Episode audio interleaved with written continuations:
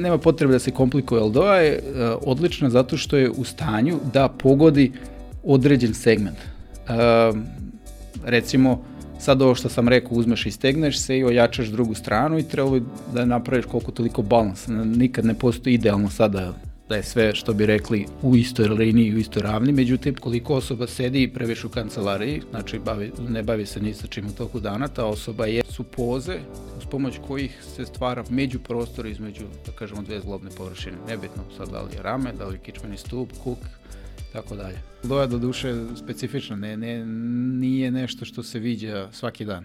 Moje ime je Ivan Kosogor, a sa mnom je danas moj prijatelj Boris Šimurina. Ukoliko želite da se oslobodite ili rešite bola u leđima ili vratu, Eldoa metod je metod koji može da vam pomogne u tome. U današnjem podcastu saznaćete šta je to Eldoa metod, kako i na koje načine Eldoa metod može da vam pomogne, kao i još mnogo toga zanimljivog poput Zašto gravitacija utiče negativno na naše telo? Kao i da li su ljudska bića stvarno stvorena da svakodnevno idu u teretanu i vežbaju sa tegovima? I još mnogo, mnogo toga zanimljivog. Boris je fantastičan sagovornik i u našem prvom podcastu koji vam odmah sada preporučujem da pogledate, pričali smo o zaista, zaista fantastičnim stvarima. Pre nego što krenemo, želeo bih da se zahvalim i našim sponzorima. U pitanju su Bivic vitamini i minerali koji su već neko vreme uz naš podcast i koji su podržali celu ovu priču. Kao što znate, ukoliko me pratite, ja ne pravim kompromis kada je u pitanju zdravlje, a da bih bio fokusiran, da bih imao više energije uz svoju svakodnevnu ishranu koristim i suplementaciju. Ukoliko želite da saznate više o Bivic vitaminima i mineralima,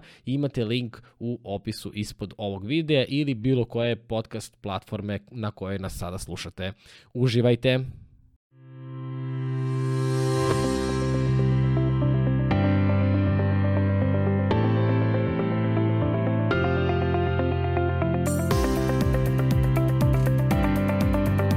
Ivan Kosogor podcast. Ovaj, zato što je meni to bilo kao wow, kao kakva stvar, znaš, pogotovo što nije toliko nije sad toliko kao da sam gledao stalno i onda vidim kod nekog drugara na Instagramu i ono sam ga pitao, je li doa? Kaže, nije nešto slično, znaš. Ali nikada tad nisam vidio taj istezanje tog tipa Jest. za zglobove i tako dalje. Jako... Jeste, Doja do duše specifična, ne, ne, nije nešto što se viđa svaki dan. I pogotovo na našim prostorima nema mnogo ljudi koji se bave s tim, tako da... Koliko, koliko vas ima, stvari? Pa do sad sve ukupno kroz ta dva kursa koja su održana prošlo neki 20 ljudi, s tim što je bilo par ljudi sa strane. E, U Beogradu konkretno, mislim, ima desetak. Desetak koji mogu da praktikuju sa drugim ljudima? Tako i... je. Aha. Desetak ljudi koji, kod kojeg vi možete dođeti da odradite trening i da vas oni sprovedu kroz te vežbe ovaj, e, za kičmeni stup. Ajde da krenemo od te osnove. Šta je LDOA? Koja je to definicija LDOA i... LDOA to je francuski, francuska e, skraćenica iz francuskog jezika. Ovaj, nažalost, ja ne znam da izgovorim na francuskom.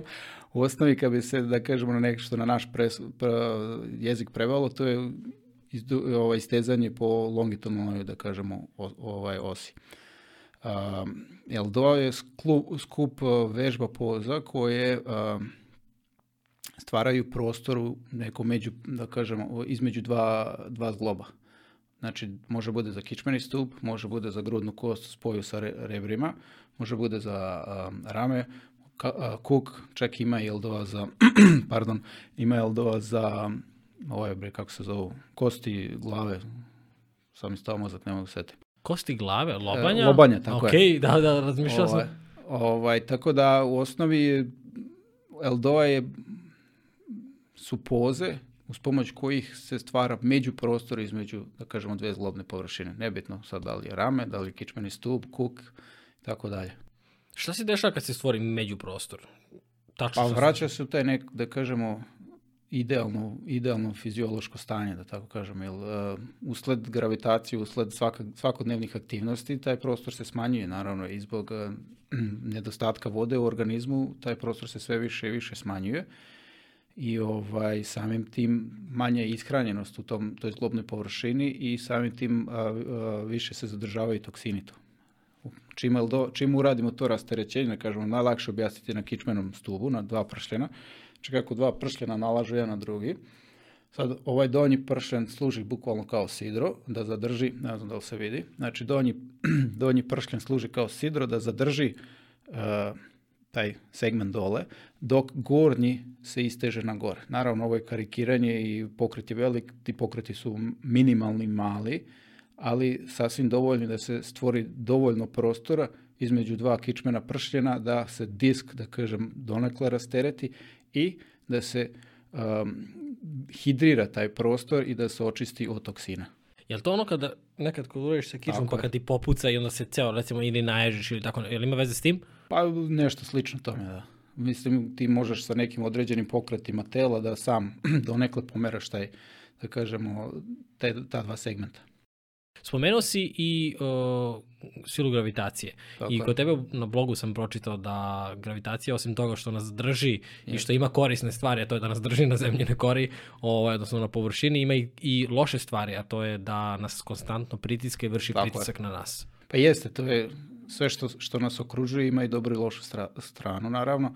A, dobra strana je što nas zadržava na zemlji, a i samim tim a, stvara taj, da kažem, pozitivan stres da bi mi se fiziološki, fizički i ostalo razvijali, da bi imali neku dozu ovaj, pozitivnog stresa.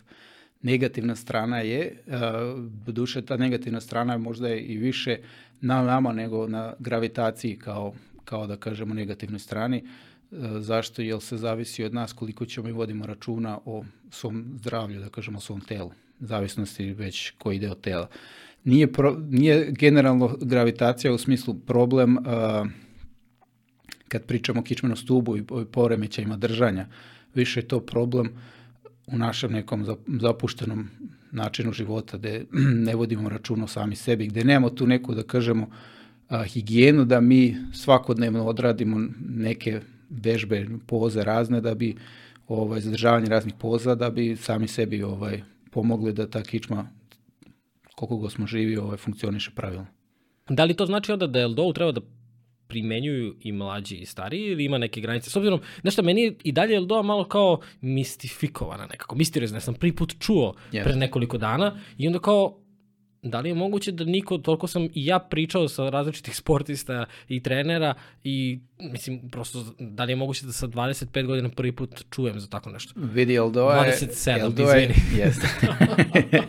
Nikako da dve, pređem. dve, dve su pobegle. a.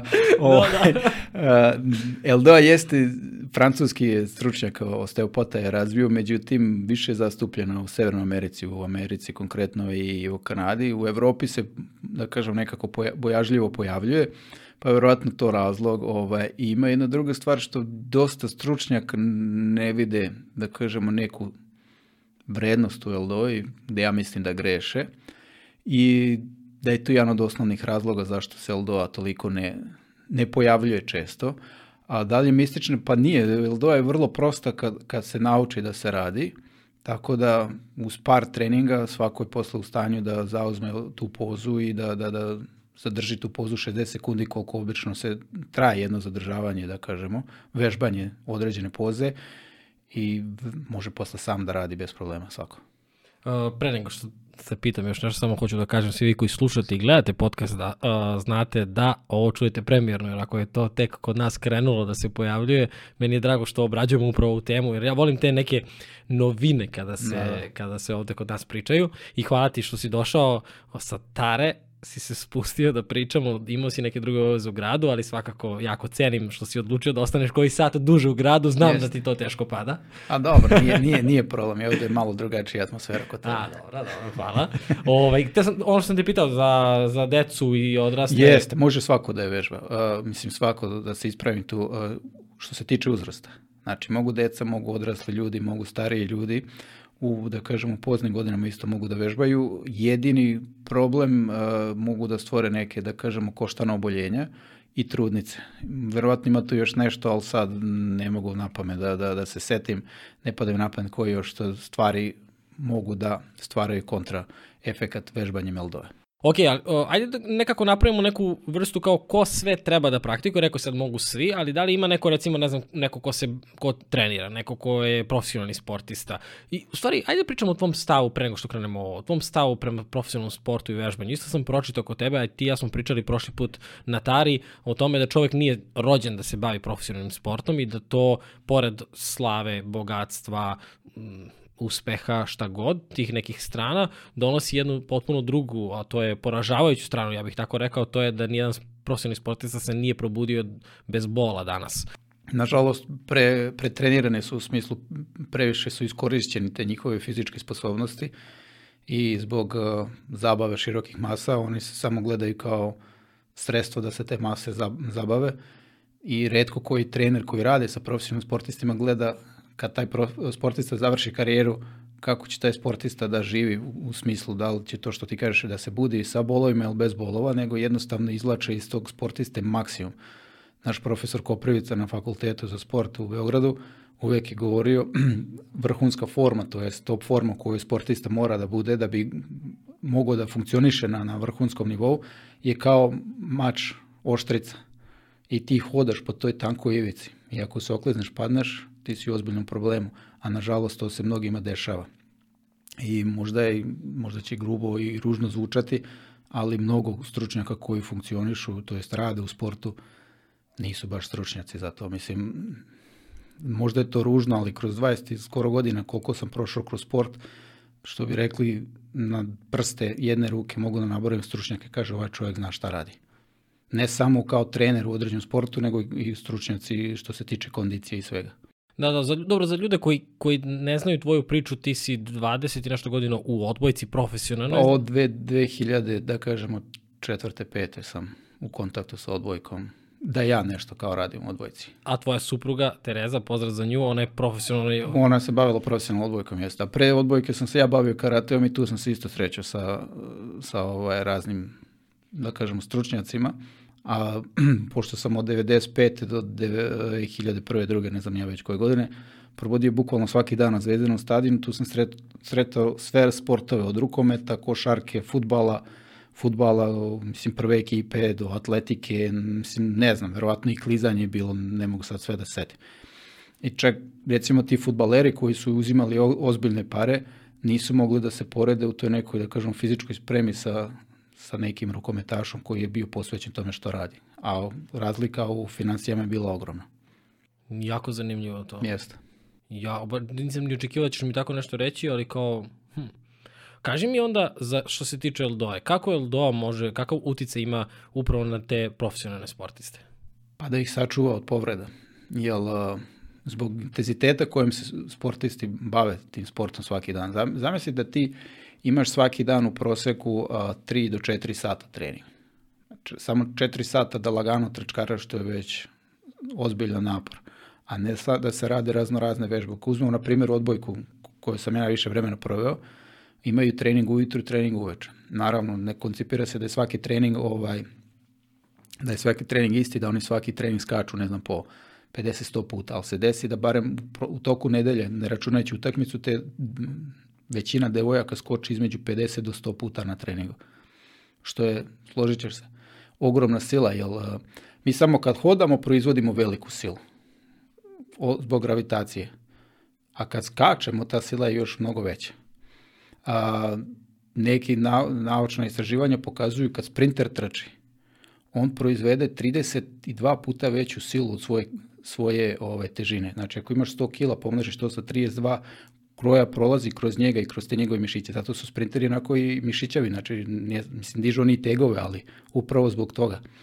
E sad zamislite da osoba koja ima neke prosek odbojkašica 60 kila, mada imaju više neke, i ona skoči na barem pola metra i tako 50 puta u toku dana. Koja je to sila koja prolazi, znači kroz stopalo, kroz noge i na kraju u kičmeni stub i uopšte kroz celo telo. E tu LDO može da odradi jako dobar posao, jer zbog tih silnih skokova dolazi naravno do kompresije. A LDO bukvalno može da izvrši dekompresiju. Koliko oni ostanu uh, kompresovani, naravno nisu to sad kompresije da one ustanu slepljeni, ali se ipak te male mikrotraume dešavaju, L2 može da stvori prostor u kičmenom stubu, u kuku, u ramenima ili bilo gde i da dozvoli da se bolje ishrani, bolje hidrira i u krajnjem slučaju da očisti te zglobne površine od toksina koji bi se tu zadržavali inače. A šta je sa suprotnom stranom? Ok, imamo sada ljude koji su pretrenirani, koji previše koriste i LDO tu pomaže. Šta je sa ljudima koji sede po ceo dan u kancelariji ili u automobilu? Isto, isto Znači, ukoliko osoba sedi i previše u kancelariji, znači bavi, ne bavi se ni sa čim u toku dana, ta osoba je, što ti kažeš, suprotna strana. Ovi su pretrenirani, ovi su detrenirani. Znači, dolazi do uh, razlaganja, da kažemo, mišića i osoba bukvalno, da kažemo, postaje deo te stolice u kojoj, kojoj boravi ceo dan i ovaj, samim tim se i ceo mišićni i koštani sistem ovaj, atrofira i gubi svoja svojstva. E pa upravo zbog toga vežbajući te mišiće oko kičmenog stuba, ramenog pojasa ili šta god, LDO pomaže da Jel, vrlo prosto, koliko ja sedim ceo dan, znači ja sam u, u stolici ceo dan, vremenom, ti si u početku ispravljen, ali vremenom, sad zamisli koliko ti to nešto.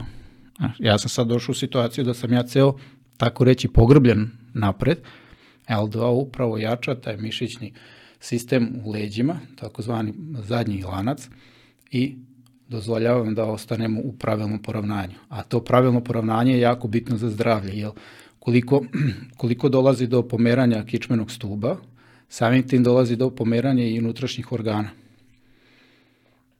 Mama, pratiš to nekle. Znači, uzmemo trbušnu duplju, tu se nalaze razni organi, jel tako?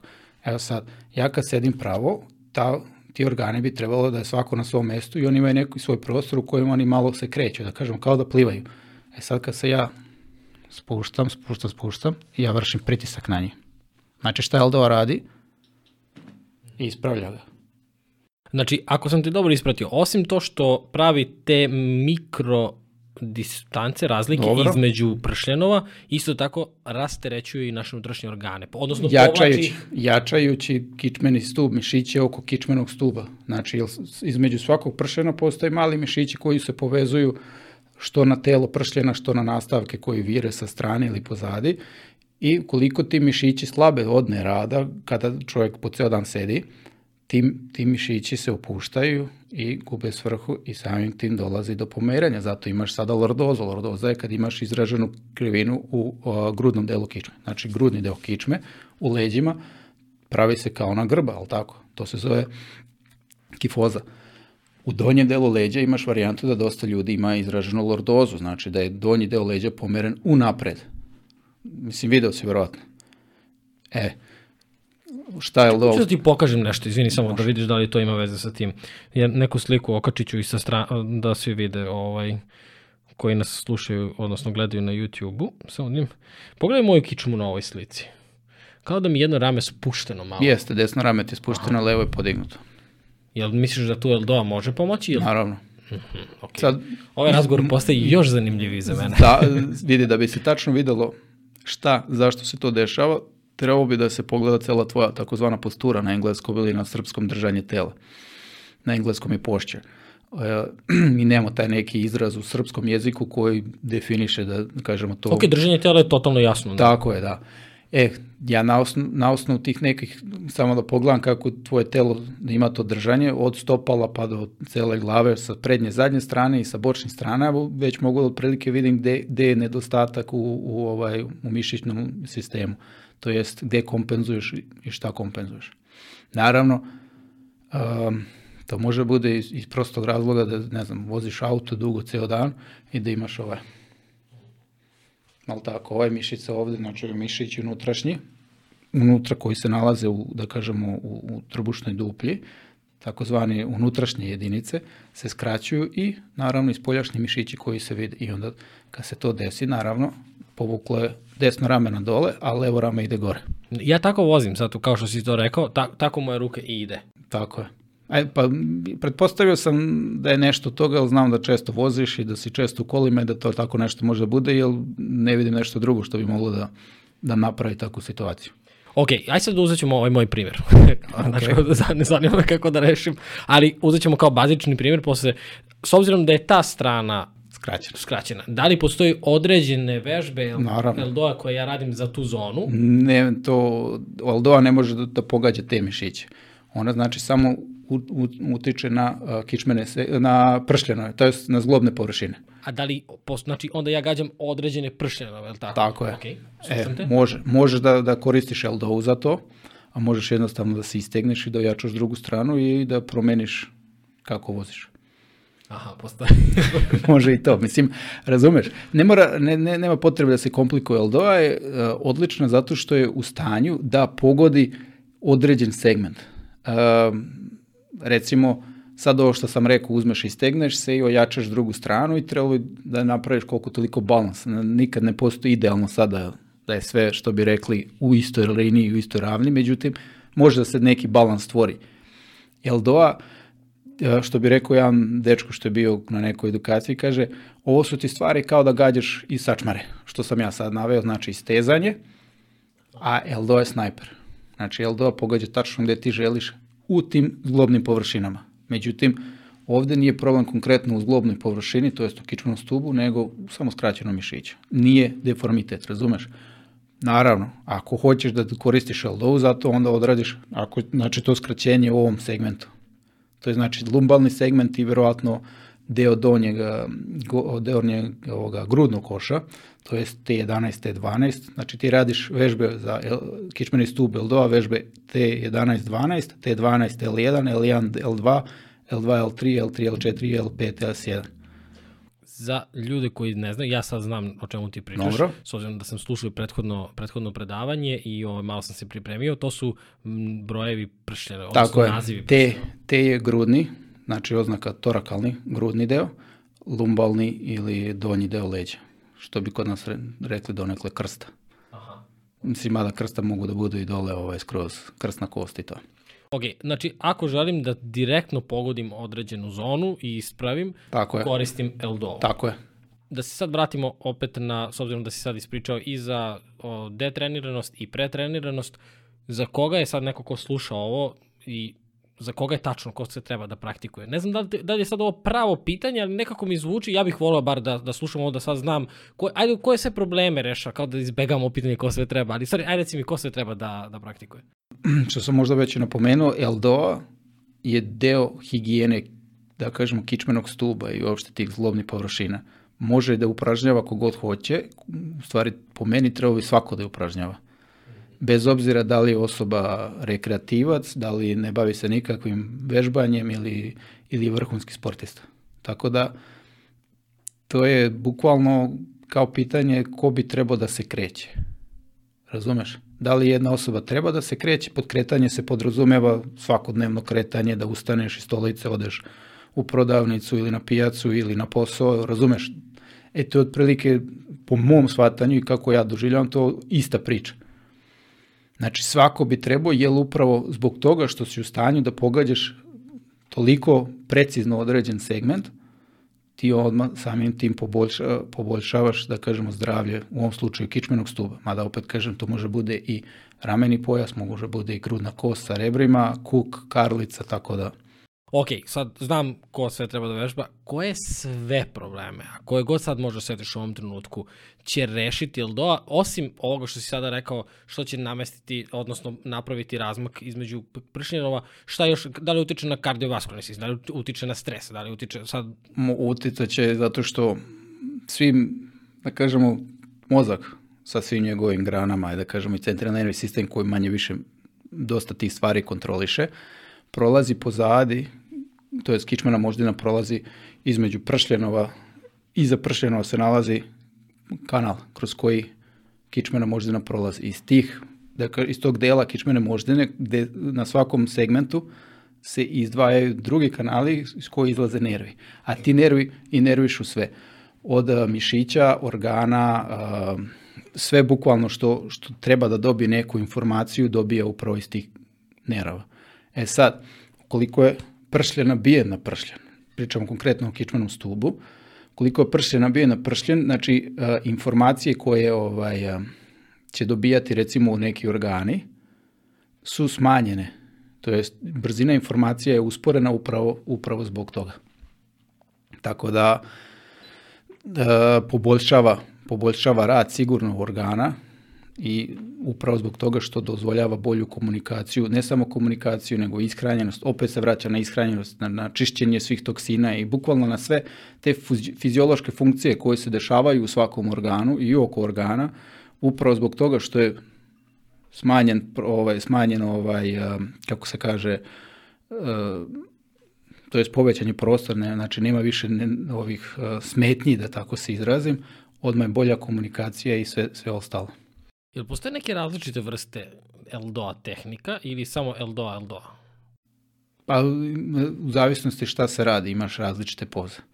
Recimo, a, lumbalni deo se radi uglavnom u sedećem položaju sa, da kažemo, ispravljenim nogama, a grudni deo se radi sa savijenim nogama u kolenima, a vratni deo se radi ležeći na leđima uglavnom.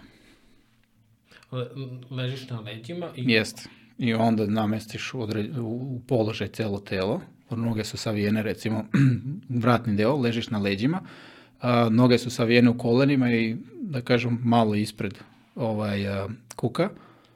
I bitno da se izvuče glava što više, da se smanji vratna krivina na pod, znači da ti imaš sad vratnu krivinu, ali tako kako ležiš na podu, evo recimo imaš ovako otprilike krivinu. Poenta da se pomerajući glavu što dalje od, vra, od ramena, da ispraviš tu vratnu krivinu koliko možeš. A to se radi tako što vrati se glava unazad i kao da te neko uhvati za, za vrh kose, vrh glave i povuče na gore. I naravno uvuče se brada. I onda se doda određena poza rukama, u zavisnosti koji segment se po, ovaj, pokušava ovaj, pogoditi i taj položaj se zadržava neki 60 sekundi. Ok, kad radiš, za, pošto je kadar bio na Borisu u ovom trenutku, da si znate da sam i ja pokušavao to sve što si mi pokazivao, kada, kada radiš sad sve ovo, koliko treba da, neko si 60 sekundi, Tako je. koliko treba poza da promenim u toku praktikovanja, recimo, Aldoje? Pa možda odradiš sve poze za kičmeni tub ako hoćeš. Aha, znači nema neko pravilo da radiš sada samo vrat. Ne, ne, ne, nema. Mislim, možda odradiš da znaš da te boli segment C2, C3, ti odradiš pozu za C2, C3, zadržiš 60 sekundi, boli me deo grudno, grud, grudnom delu, otprilike između lopatica, to je T5, 6, T6, T7, odradiš te dve poze, boli me donji deo leđa, otprilike oko negde lumbalnog pršljena 4-5, zaosneš pozu L4 L5 i ti onda osetiš da li je taj da li, si, da li ima olakšanja posle tih zadržavanja ili nema. A ako nema, onda možeš da probaš još da, da ideš jedan segment gore, jedan segment dole. I svaka vežba je 60 sekundi. Tako je, ne duže od 60 sekundi. Ne duže od 60. Da, da, nema se potrebe. dešava ako... Pa ne dešava se ništa u osnovi kako, da kažemo, ti energetski sistemi funkcionišu u organizmu, zbog toga se koristi 60 sekundi. Energetski sistemi organizma. Tako je. Kad Sad bi da priča o to. tome. Da, da, Verovatno, sam si, uhvatio. verovatno se čuo aerobni i anaerobni proces, jel tako? Sve što je duže od neke 20 sekundi polako već počinje da, da po, počinje da biva aerobno, to jest da se dešava, svi procesi u organizmu se dešavaju, to jest u mišićima se dešavaju uz prisustvo kiselnika. Dok anaerobni, to su kratki ti neki, da kažemo, vežbanja ili kretanja do nekih 20 sekundi i to se uglavnom dešava bez, bez prisustva kiselnika. Znači sprint recimo, koji je manje od 10 sekundi, tu bukvalno se ne dešavaju nikakvi procesi u mišićima, da, da kažemo, za ti 10 sekundi uz prisustvo kiselnika. Mislim, nema ga. Znaš da sam negde pročitao ili čuo da atletičari za, na trci od 100 metara udahnu jednom ili dva puta. Tako je. To mi je baš bilo kao... A imao si atletičare koji nisu disali ni jednom. Ako si čuo za Butejko metodu, vjerojatno od srđana, Da. a, recimo, sad sam zaboravio da li je Zatopek ili za, z, Emil Zatopek, ja mislim se zvao, uvek mu pobrkam prezime, mislim da je bio Slovak ili Čeh čovek, on je upražnjavao otprilike nešto slično Butejku i on je trčao, ja mislim, 400 metara sa neki 2-3 udaha, ali tako nešto. Koliko je to zanimljivo. Jeste. I naravno pospešuje, jer radi posao. Da se vratimo na LDO. Ko, koliko puta dnevno, da li je bolje raditi možeš, uveče? Možeš raditi i ujutru i uveče, zavisnosti. Uh, tu pozu koju su odradio jedno ne moraš da radiš. Znači ako ćeš uraditi recimo par poza ujutru i par poza uveče možeš. Možeš čak i u toku dana, ali ne moraš da radiš iste poze. Znači ne možeš da galjaš uvek isti segmente.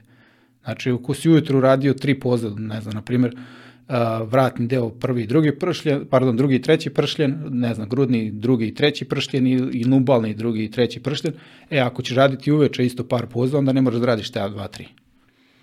Na primjer, uh, trenutno, pošto sedim danas jako puno, osjećam da mi je, nije da mi je bol, nego onako nelagodan neko osjećaj u donjem delu leđa, otprilike L5S1. Što znači ja kad bi došao kući, trebao bi da odradim tu pozu L5S1 ili možda da dodam čak i L4 i L5, da bi ja bez problema mogao sutra da funkcioniše normalno. Za sve ljude koji se trenutno malo onako plaše kada čuje L5, T6, 26 i ostalo, Da. da li postoji neka tablica, da li postoji nešto na osnovu čega ja mogu da ispratim, kažem, ok, osjećam bol, kao što si ti sad rekao, ako između Tako plećki, to je T6, T5, A mo, ne, nije, nema tablica, ali to se vrlo brzo, brzo nauči, pogotovo, znači, ako radite sa nekim ko zna šta radi, vrlo brzo ćete i vi naučiti gde se koji segment nalazi. Jel, uh, ni ja nisam mogao pre par godina, možda 5-6 godina, da pokažeš prstom i kažeš, e, to je taj segment. Međutim, kako čovjek kao i sve. radi, to se vrlo brzo ovaj, uh, oseti i zna tačno otprilike koji je gde segment. A recimo 2000, sad ću slagati, 13 ili 14. godine kad sam prvi put krenuo da se bavim, da kažemo sa tom kičmom više i, i bolje, bilo mi je kako ja sada nađem, ne znam, T12 ili T6, pa onda uzmeš pa brojiš pršljeno i sve to. A sad otprilike mogu prstom ti pokažem, to ti otprilike to, to. I imaš neke, da kažemo, um, ajde da kažemo kao markere koje možda koristiš, otprilike. Negde gde se donji deo lopatica spajaju, to ti negde T6, T7 recimo, donji deo lopatica, tu. Tako da otprilike znaš a, gde, gde imaš, kad napipaš ovde naj, najveću ovu, da kažemo, pršljen između vrata i, i ramena, Ok. to ti je otprilike C6. Tako da to su te stvari koje ti možeš vrlo lako da mu radiš par puta i osetit ćeš i sam posle i znaš. L5S1 je kad napipaš ovde karličnu kost, osetiš ovaj kao greben pozadi i kad povučeš prst, to ti je otprilike L4, malo spustiš to je L5, tako da Samo moje sada pipkanje, odnosno osvešćivanje da imam kičmu mi kao stvara osjećaj da treba da masiram i kao Da. odmah prijatnosti. Jeste, znaš. pa naravno, jel e, mozak oseti, znači samo ta taktilna, to jest dodir koji si izveo, mozak sam šalje, e, dobije informaciju da tu nešto dešava i on onda šalje zahte, čekaj šta se dešava tu i, od receptora koji se nalaze, to jest u tom, u tom delu tela. Kako je to zanimljivo. A jeste, telo jako, mislim, telo, ceo ljudski organizam i biće je neverovatna stvar. Samo moram još da te pitam vezano za praktikovanje. Znači, rekao si da, koliko vežbi ima u stvari? Pa za kičmeni segment imaš, znači, o, za kičmu imaš od C2, znači C2, C3 do L5, S1, a sve zajedno imaš, da kažem, neki 22 pršljena, tako da, 22 vežbe. tako, otprilike. oko 20 da. E, Ovo je možda jedan od onih redkih podcasta gde ja imam tri pitanja u jednom i onda krenem da te pitam jedno i onda mi padne na pamet, e, a čekaj, ja kažem mi pre nego što mi odgovoriš, e, kada treba vežbati, pitao sam te kada treba vežbati, da E, li to ima nešto bolje, tipa ako radim ujutru čim ustanem ili možda bolje pred spavanje zbog boljeg spavanja, nešto sam skoro slušao, uh, slušao sam pripremao sam se za razgovor za podcast o hormonima i onda sam malo istraživao više i uh, recimo za bolje spavanje i za vraćanje hormona u, u ravnotežu je mnogo bolje da, kao što recimo rade, ne znam, životinje, mački, psi ili deca, da se zevaš i da se istežeš. Da uđe što više kiselnika. E, ti mi sad to objasni. Pa vidi, iz ove a, perspektive zašto je no, noću bolje? Prvo, zato što se svi procesi i reparacije dešivaju, dešavaju noću, je li tako? Mi kad, kad zadržimo određenu pozu, dešavaju se sma, male mikrotraume, da kažem male rupture, kidanja tih mišićnih vlakana. Ne uzme, pa sad recimo ovo je jedan mišić koji povezuje dva pršljena. Nije ceo mišić pokidan, ali taj mišić je sastavljen od, od mišićnih vlakana. Ta, male, ovaj, ta mala vlakna dođu do malih rupturica, pucanja. E, upravo kad mi spavamo te rupture se ovaj popravljaju i stvaraju se, da kažemo, te nove veze, poboljšava se. Razumeš?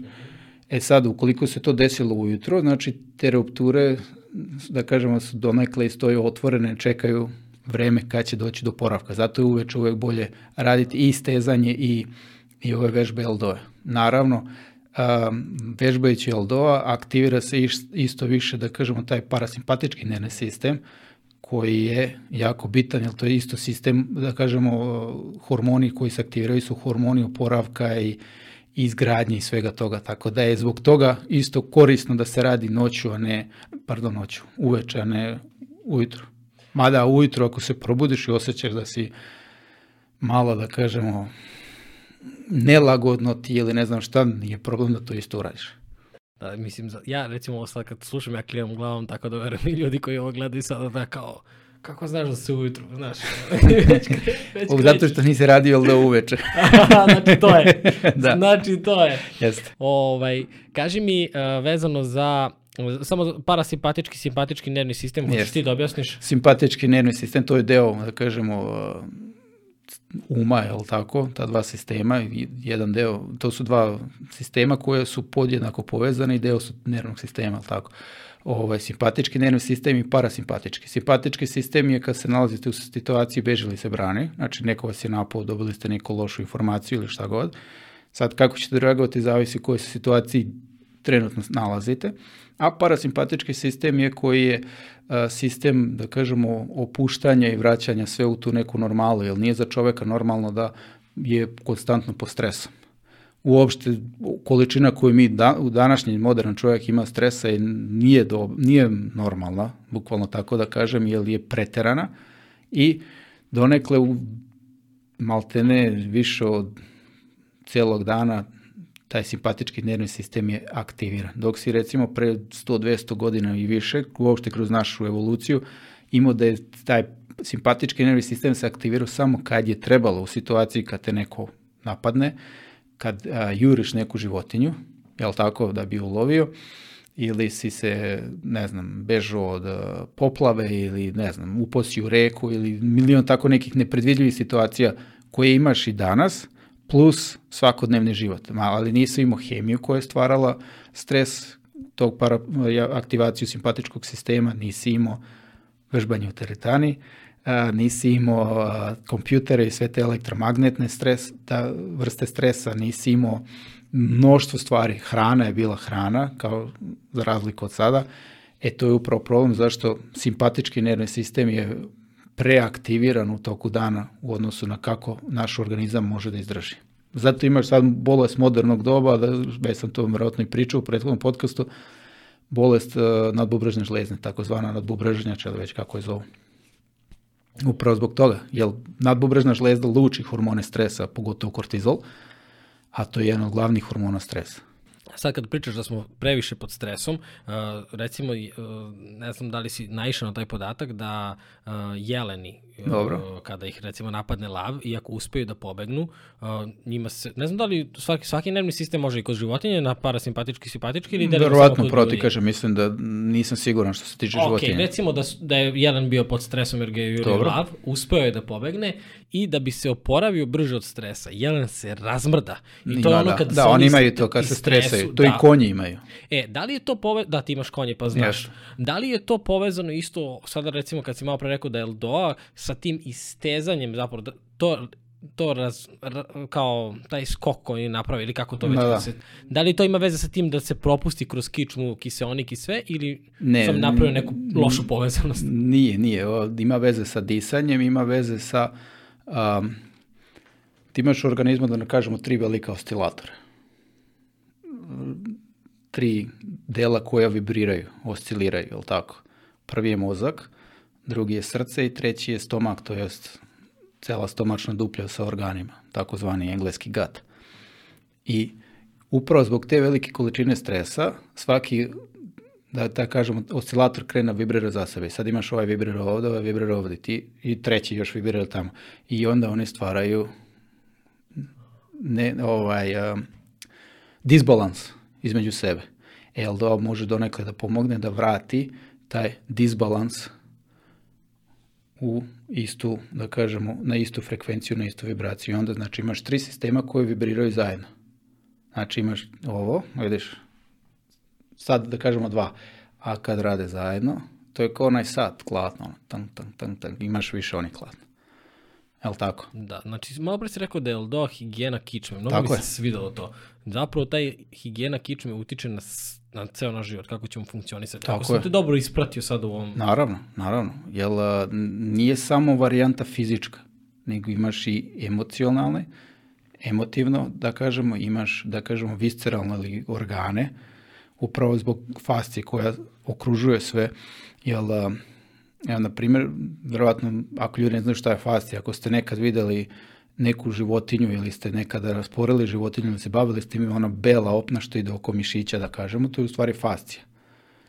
E, ta fascija nije samo znači da se nalazi u spoljnom delu oko mišića i to je to, ti uzmeš i skloniš to kao parče papira i ne, ona je toliko isprepletena i u mišićima da čak ovaj, dodiruju i organe.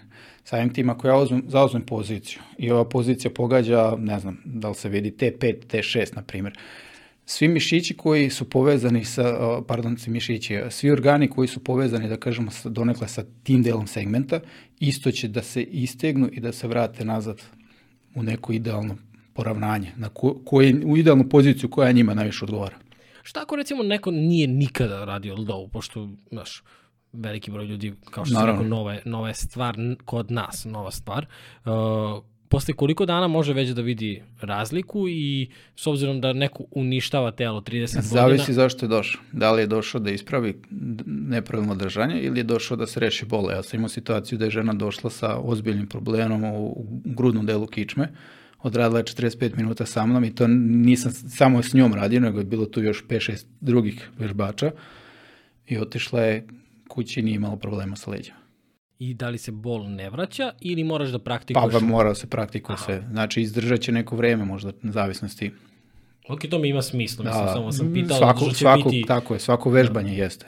Ti ako uzmeš i vežbaš određeno vreme, ti imaćeš rezultat u smislu bolje ćeš da skočiš, bolje ćeš da trčiš, bit ćeš jači ili ćeš, da kažemo, imaćeš lepši izgled fizički i ako prestaneš da vežbaš, sve to polako nestaje. Jel, mm, to je uopšte kao sve vezano za kretanje, ne možeš samo uradiš jednom i to je to. To je isto kad uzmeš, pročitaš knjigu, jednu knjigu i misliš da znaš sve, ne. Jel tako? Moraš da izdalje istražuješ. Jeste, jeste. Ima ona, ja to često govorim, a, super stvar, kaže, ono što znam je kap, a ono što ne znam je okean. Tako je. I- Ili znam da ne znam ništa. I to, može i to, može i to. Ali da bi znao da ne znaš ništa, moraš donekle da znaš Da nešto. znaš, da, to si pravo. To, Ali onda si svestan zato što znaš nešto, da to što znaš je mnogo malo sprem toga koliko količina znanja postoji vezano za tu temu, tako da i ovo što ja sad pričam Eldoa je jako malo sprem ljudi koji su mnogo duže u, u, u celoj ovoj priči, a da ne pričamo čovjeku koji ceo sistem osmislio.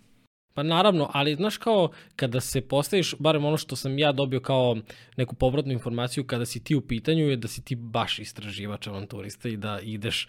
i Ono što me interesuje. Pa naravno. Ono što me interesuje to istražujem, ono što me ne interesuje s tim se ne bavim i nemam problema da kažem ne znam to, zato što nije, nije mi se ovaj, nije me privlačilo.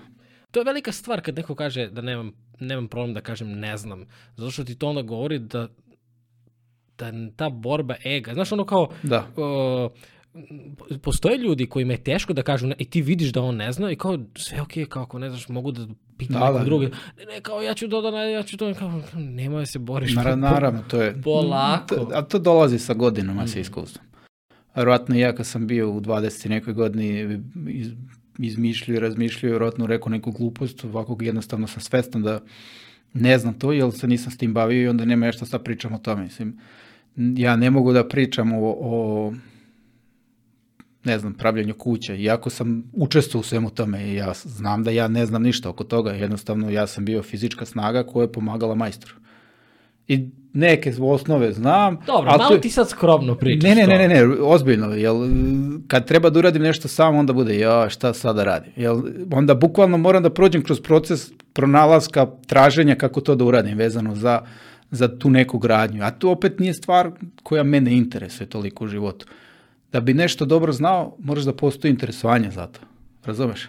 Da, ali ti imaš i na osnovu prethodnog iskustva, toliko dugo si radio sa profesionalnim sportistima i prosto e, sada priča o Eldo i zašto sam srećan što smo snimili ovaj podcast je zato što se nekako samo nadovezalo na sve to tvoje iskustvo. Naravno. Koliko bi ti bilo teže, banalizujem samo, da uočiš te pršljene da nisi radio toliko godina. Naravno, naravno, sve, sve to stoji. Uh, kroz celu, da kažem, taj neki moj istraživački deo, ja sam uvek uh, bio privučen u određenim stvarima. Nekad se desi da ta stvar nije ono što, što sam ja mislio da jeste. Međutim, ono što je meni uvek bilo interesantno, što sam ja imao potrebu da imam tehniku koja može nekome da pomogne odmah. Znači, ne odmah, ali da mu da neki povratnu informaciju i da kroz neki period ta osoba može da, da, da ima olakšanje u tome i u krajnjem slučaju da dođe i do, do izlečenja. Eldoa definitivno to radi. U mnogo slučajeva, da. Kada kažemo higijena, to je, da li je to kao higijena zuba, što znači Tako da nam treba 10 minuta svakog dana, ili je nešto što zahteva više vremena, da li treba da Ne, se ne praktikuje u posebnoj prostoriji? Ne, to bukvalno ti je potrebno da imaš oko sebe prostora metar sa metar, možda malo više u zavisnosti koliko je osoba visoka. Pa ja onda pola metra s pola metra. A dobro, nisi baš toliko. Ja namjerno smanjim da mi neko kaže, ma jo, Ču da ti mali tu, da sam rekao metar s metar, ti bi rekao, da, taman za tebe, kao imaš kad, si, sad kad si rekao, ja sam teo, ovaj, imam jednu zanimljivu ane- anegdotu sa Evropskog prvenstva u Belgiji i Luksemburgu 2007. Imam drugara, ovaj, ne znam da li će gledati, a, Žare. Žare otprilike oko 1,72 3 visok, ne znam ni ja. Burazer mu od strica ima oko 1,90 ja sam to oko 1,80 i on je sad među nama bio najniži. I moj brat je tu isto oko 1,90 Bio još jedan košarkaš koji je živio, verovatno još uvijek živi u Belgiji, on ima preko 2 metra. I sad, ono, on je tu najniži.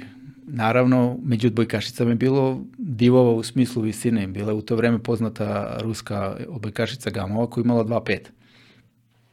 I onda je se uvek šalili s njim, Tigre, jel te pozdravila Gamova? On, ajde, ajde, beži tamo. A bila je fora, Tigre, jedno od pozdravila te Gamo ovako. I onda je, i onda je bila to glavna fora sa tim malim malim. Pazi, ja se smijem samo ovako sad radi fore, ali uopšte mi nije. Pazi, ona kad stane, ja imam 1,80 nije to neka velika razlika, 7-8 cm, ali kad stane pored tebe, bukvalno gledaš ovako, Da, tako da. perspektive, znaš, da, ovaj, šalu na stranu. Ovaj, ne, ja nemam stvarno problem s visinom, pošto nekad tako se našalim i onda mi neko posle kaže kao, je kao, tripuješ ti kao da te ne znam ja za visinu? Rekao, da, ti delujem kao neko ko tripuje, znaš, pa i Napoleon je sve osvojio, tako Ma, da. nema to veze, da je Bog mislio treba budeš višlji, on bi ti dao Ej, to. sve, da, da, da, upravo to.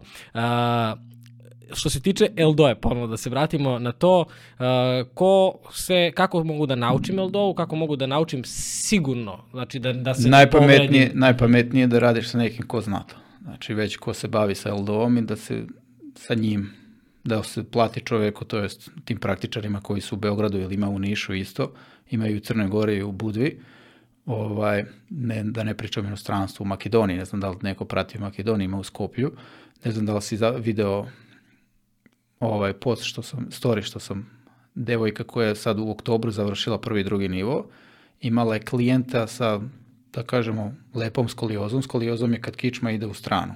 Pravi slovo S, zato se kao zove skolioza. Ovaj, I od uh, početka feb, ovoga decembra do početka maja ona je uspela da ispravi. Ne, nisam to vidio. A, Znači, bukvalno za, za tih pola godine je uspela da, da ispravi. Naravno, bavi se ona i pilatesom, ta devojka u Skoplju, ali koristila je LDO kao jedan deo da se to ispravi. Tako da, šta može LDO da, da bez problema reši? Znači, zavisnosti kakva je skolioza i koliko je velika, skoliozu, kifozu, lordozu, znači ta neka nepravilna držanja tela, ona može da reši bez problema. Naravno, treba vreme za to. Ne, ne da sad uradimo jednom ja, ja nemam rezultate.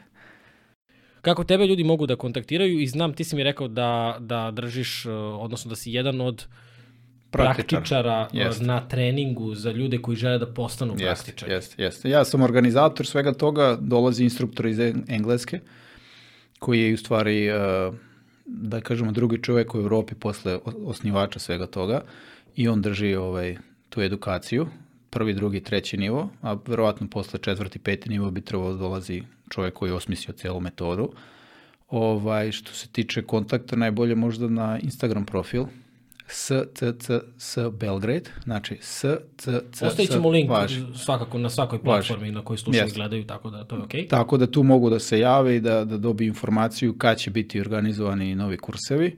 Trebalo bi da bude uskoro novi kurs i e, prvi drugi nivo i bit će i treći nivo za ljude koji su prošli, znači prvi drugi nivo. Prvi drugi nivo je za taj, da kažemo, kičmeni stup, treći nivo je za rame, a, grudna kost sa rebrima, znači pripoj grudni kosti, grudne kosti rebara i kuk.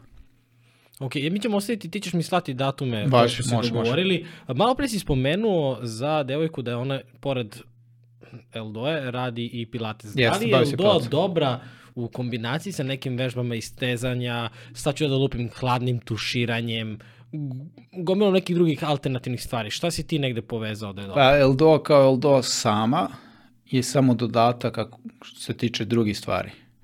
Kao sama ona može da pomogne, ali je idealno da Eldoa se kombinuje sa nekim drugim, da kažemo, sistemima. Može bude pilates, može bude trening u teretani, može da bude razno razne rekreacije i tako dalje. Znači, ako vežbate LDO, ona će vam pomoći u tom određenom delu koji samo vežbate, tako? Znači, ne, ne pogađa cijelo telo kao, ne znam, vežbanje u teretani ili trčanje.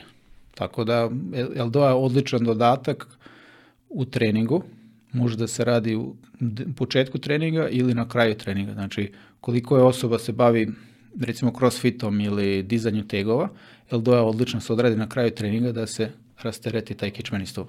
A za trčanje, pošto se ja bavim trčanjem, pre, Može- posle? Posle, isto posle, jer isto dolazi do kompresije, ne baš kao prilikom dizanja tegova, ali dolazi tu do blagih, da kažemo, kompresije i blagih trauma na kičmeni stup. Pogotovo ako tehnika trčanja nije baš idealna.